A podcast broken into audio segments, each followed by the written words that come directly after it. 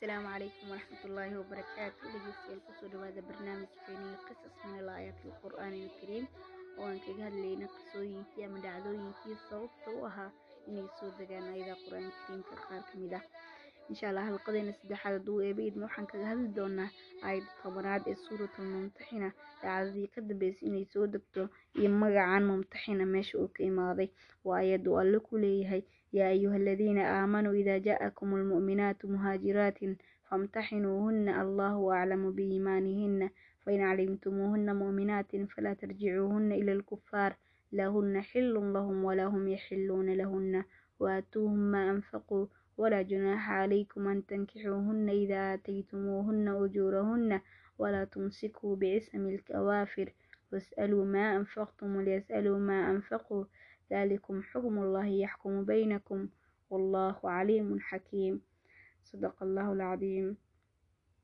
sida kutubada siirada iyo axaadiista badankooda ay qorayaan ayadan waxay kusoo degtay saxaabiyada weyn ee lagu magacaabo umu kalsuum bintu cudba oo ahayd gabadhii ugu dhalay gaalkii weynaa ee nebiga sala allahu calayhi wasalam af iyo adinba ku dhibay ee la oran jiray cudba ibnu abi mucayd hooyadeedna waxaa la oran jiray umu kalsuum arwa bintu qurays oo waxay isku hooy ahaayeen saxaabigii jaliilka ahaa ee khulafaa uraashidiintan ka mid ahaa cismaan bin cafaan so waxaan ka garan karnaa meeshaas inay ahayd saxaabiyad reer qoyreeshiyad ah oo weliba reer bani umaya ah.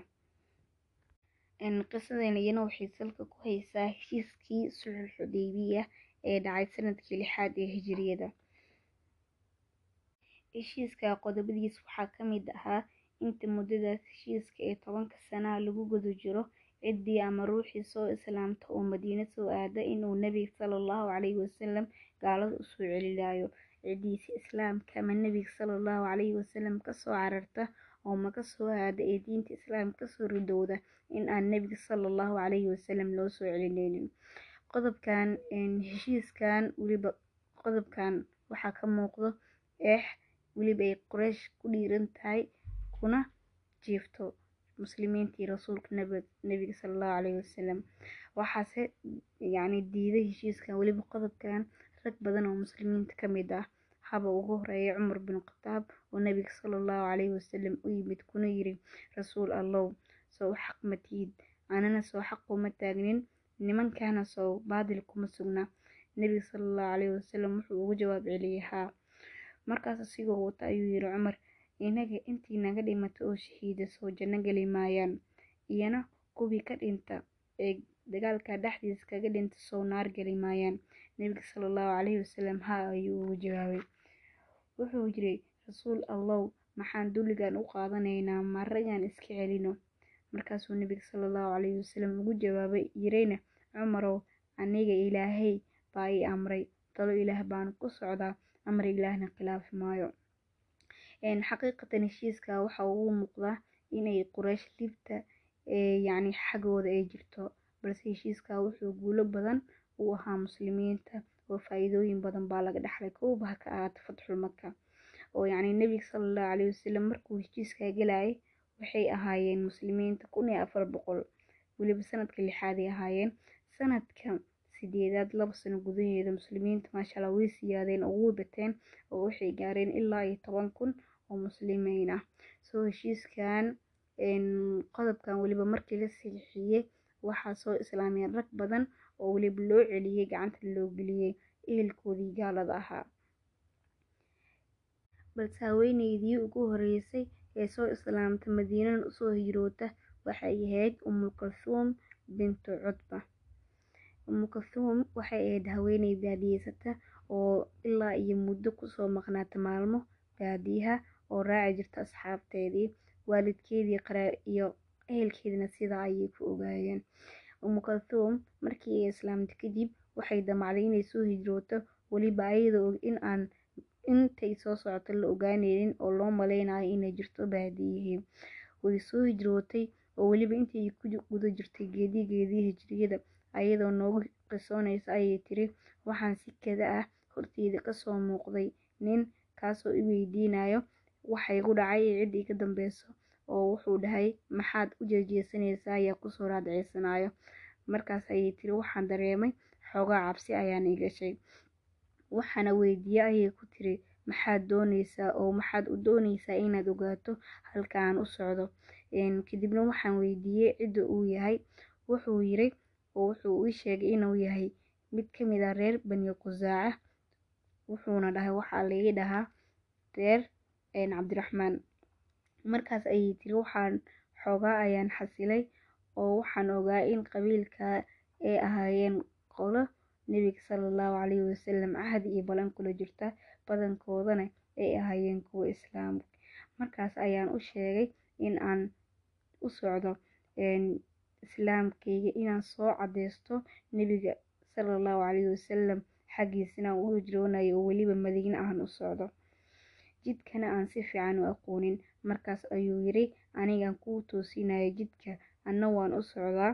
Markaasuu yiri kuna ilaalinayo umu kalsuum waxay tiri waxa uu ii keenay awr wuu fadhiisiiyey wuu jeestay. Markii aan goray kadibna wuxuu qabsaday oorkii hogaankiisa asagoo la keenayo oo wuxuu ahaa bay tiri mid aadaab wanaagsan oo xishood iyo xayaba alla siiyey markaa kadibna wax hadal ah ma aysan igu soo darsanin. Markii ay madiina soo galeen umu waxay ku soo degtay xaaskii nebiga salallahu calayhi wasalam umu salama oo waxaa marti geliyey marti sooray umu salama markii ay u sheegtay dantii iyo hijradii ay soo martay nebiga salallahu calayhi wasalam markii ay u sheegtay umu salama kadib waa u imaatay umu kalsuum ayadoo nebiga salallahu calayhi wasalam ka cabsi qabtay in uu yacni dib ugu celiyo heshiiskii dartii weliba dadkeeda loo dhiibo oo waxaa ka daba yimid markay ogaadeen kadib labadeeda walaal waliid ibnu cutba iyo camaar ibnu cutba oo xilligaa gaalo ahaayeen ayagoo rabo inay dib u celiyaan ayay ka daba yimaadeen dhahayana maxamed yacni inagama reebayo oo waxaa ina dhex yaalay heshiiskii ahaa in uu inuu soo celiyo ciddiina ka soo fakatay ee soo islaamta. Nebiga salallahu calayhi wasalam markay u timid waxa ay ku tiri rasuul ilaahayow diintayda ayaan xaggaaga ula soo cararay. Imagangeli dibna ha igugu celin xaggooda maxaa yeelay waa ay iga fidnayn doonaan aniguse ciqaabta uma dulqaadan karo oo dumar baan ahay. Dumarkana waad ogtahay rasuul allow daciiftinimadooda oo ma u dulqaadan karaan. Markii intaa tiri buu nebiga salallahu calayhi wasalam aamusay dareemana astaamihii qaban jiray markay ku soo degayaan waxyiga waxaana soo degay aayadan uu alle ku leeyahay yaa ayuha aladiina aamanuu dulkii aamanuu iimaanka laga helo idaa goortii jaakum idin imaadaan almu'minaat haweenka mu'minaadka ah famtaxinuu imtixaana hunna haweenka allahu allaase aclamu ku cilmi badan biiimaanihina iimaankooda. Fain calimtumuuhunna haddii aad ogaataan mu'minaatin mu'minaad inay yihiin falaa tarjicuuhunna ha u celinina ila alkufaari gaalada. Maxaa yeelay laahunna ma ahaanin haweenka xillun kuwo xalaal u ah lahum gaalada walaa hum mana ahaanin ragaa gaalada ah yaxilluuna kuwo xalaal u ah lahunna haweenka. Soo alle wuxuu dhahay kuwa xaqa rumeeyow hadday idin yimaadaan haween mu'minaad ah oo gaalada ka soo hijrooday ka soo tagay imtixaana. Imtixaanka waxaa waaya inay dhab ka tahay iyo in kale in la ogaado. Halkaa ayuuna ka yimid magaca mumtaxina oo micnaheeda tahay haweeneydii la imtixaanay allahu aclamu biiimaanihinna imtixaanka culimmada waxay dhahaan waa midka daahirka ah oo la weydiinayo qofkan inuu yahay islaam oo waxaa la dhahaa xadiis ku yaalay siduu cadeynayo suurad saxiix albukhaari waxaa la dhihi jiray yacni ku dhaaro in aadan maka u imaanin nin nacayb oo ninkaaga ka soo hijroonin in aysan dhul jeceyl u imaanin oo ay maka nacday madiinana u imaanin jeceylkeeda inaysan adduunyo doon ahayn inaysan magaalada madiine u imaanin guur in aysan wax kale u soo bixin kaas oo aan ahayn jaceylka ilaahay iyo jaceylka rasuulka mooyaane. Wax kale aysan u imaanin baa lagu dhaarin jiray. Intaas markay dhaarato waxay ka gudubtay imtixaankii daahirka ahaa.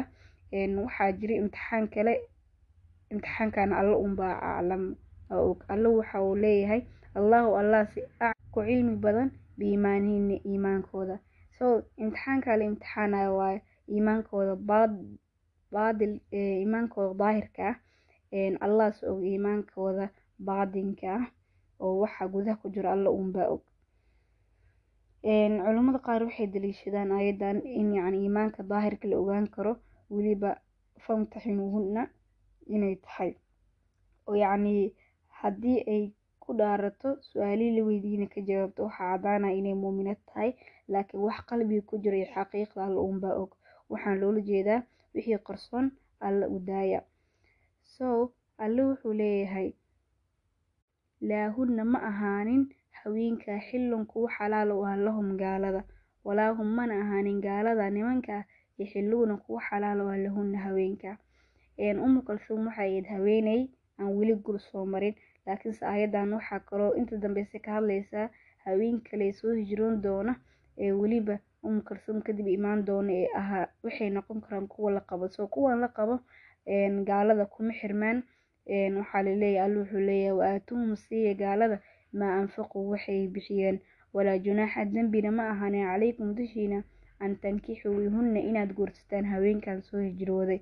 Idaa goortii aataytumuuhunna aada siisaan ujuurahunna ujuurtooda alle wuxuu leeyahay ragga muslimaadka asigoo la hadlaayo oo weliba ka soo tegay haweenka gaalada maka uu soo tegay walaa tumsiku ha ku haysanina haweenka gaalada ah qawaafire xeraga kaalnimada.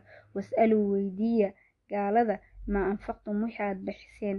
Walyas-aluu ayagana ha idin weydiiyaan gaalada maa anfaquu wixii ay bixiyeen. Oo yacni haweenkan ay soo islaamay iyo haweenkooda ahaa diinteena islaamka sidai cadaal u tahay ku tusinay cadaaladeeda iyo raggan gaalada ah haweenaa ka soo tegay haweenkaas way qabeen. So habeenkii haddii ka soo tegto kooga hor waxaa ku dhaca haween la'aan haweentiina waxay ka bixiyeen meher.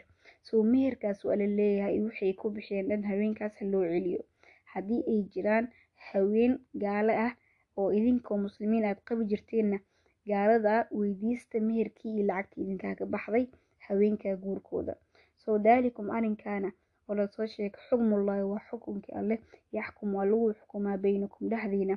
Wallaahu allana caliimun waa midka wax walba og xakiimun ee ku falkasan wallahu aclam. So aayadan alle ayaa kaga reebay oo ka radiyey xukunkii ahaa in haweenkii hijrooda ee soo hijrooda inta heshiiska lagu guda jiro ee la celiyo gaaladan loo celiyo haweentii ugu horeysana waxay ahayd umu kalsuum bintu cudba.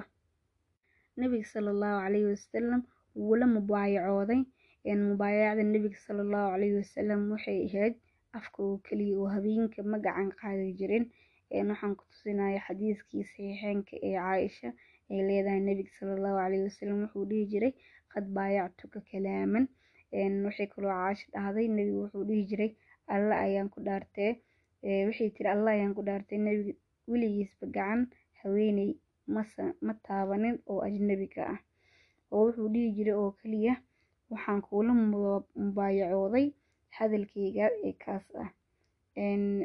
Waana xadiiska afar kun sideed boqol iyo sagaashan iyo koowaad ee xadiiska saxiixulbukhaari mubaayacada kadib umu kalsuum waxay ku nagaatay magaalada madiina oo waxaa gacanteeda dalbaday intii madiine joogtay rag badan oo saxaabada ka mid ah. Markii koowaad waxay guursatay zayd ibnu xaarisa oo waxay u dhashay laba carruur ruqaya iyo zayd. Zayd markii uu ku shahiiday ghaswadii mu'ta kadib waxay guursatay zubayr ibnu cawaam balse way isfahmi waayeen oo way isdabci keeni waayeen wayna kala tageen ayadoo uur leh. Waxay dhashay uurka gabadh lagu magacaabo zaynab zawjkeedii saddexaad waxa uu ahaa cabdiraxmaan ibnu cawf kaas oo ay u dhashay lix carruur ah oo lakala dhaho maxamed ibraahim xaamid ama xumeyd ismaaciil xaamida iyo amaturaxmaan umu kalsuum iyo cabdiraxmaan guurkoodii wuu raagay ilaa iyo labaatan sano iyo ka badan oo gaaray balse markii dambe waxaa geeriyooday oo tii allo u timid cabdiraxmaan ibnu cawf.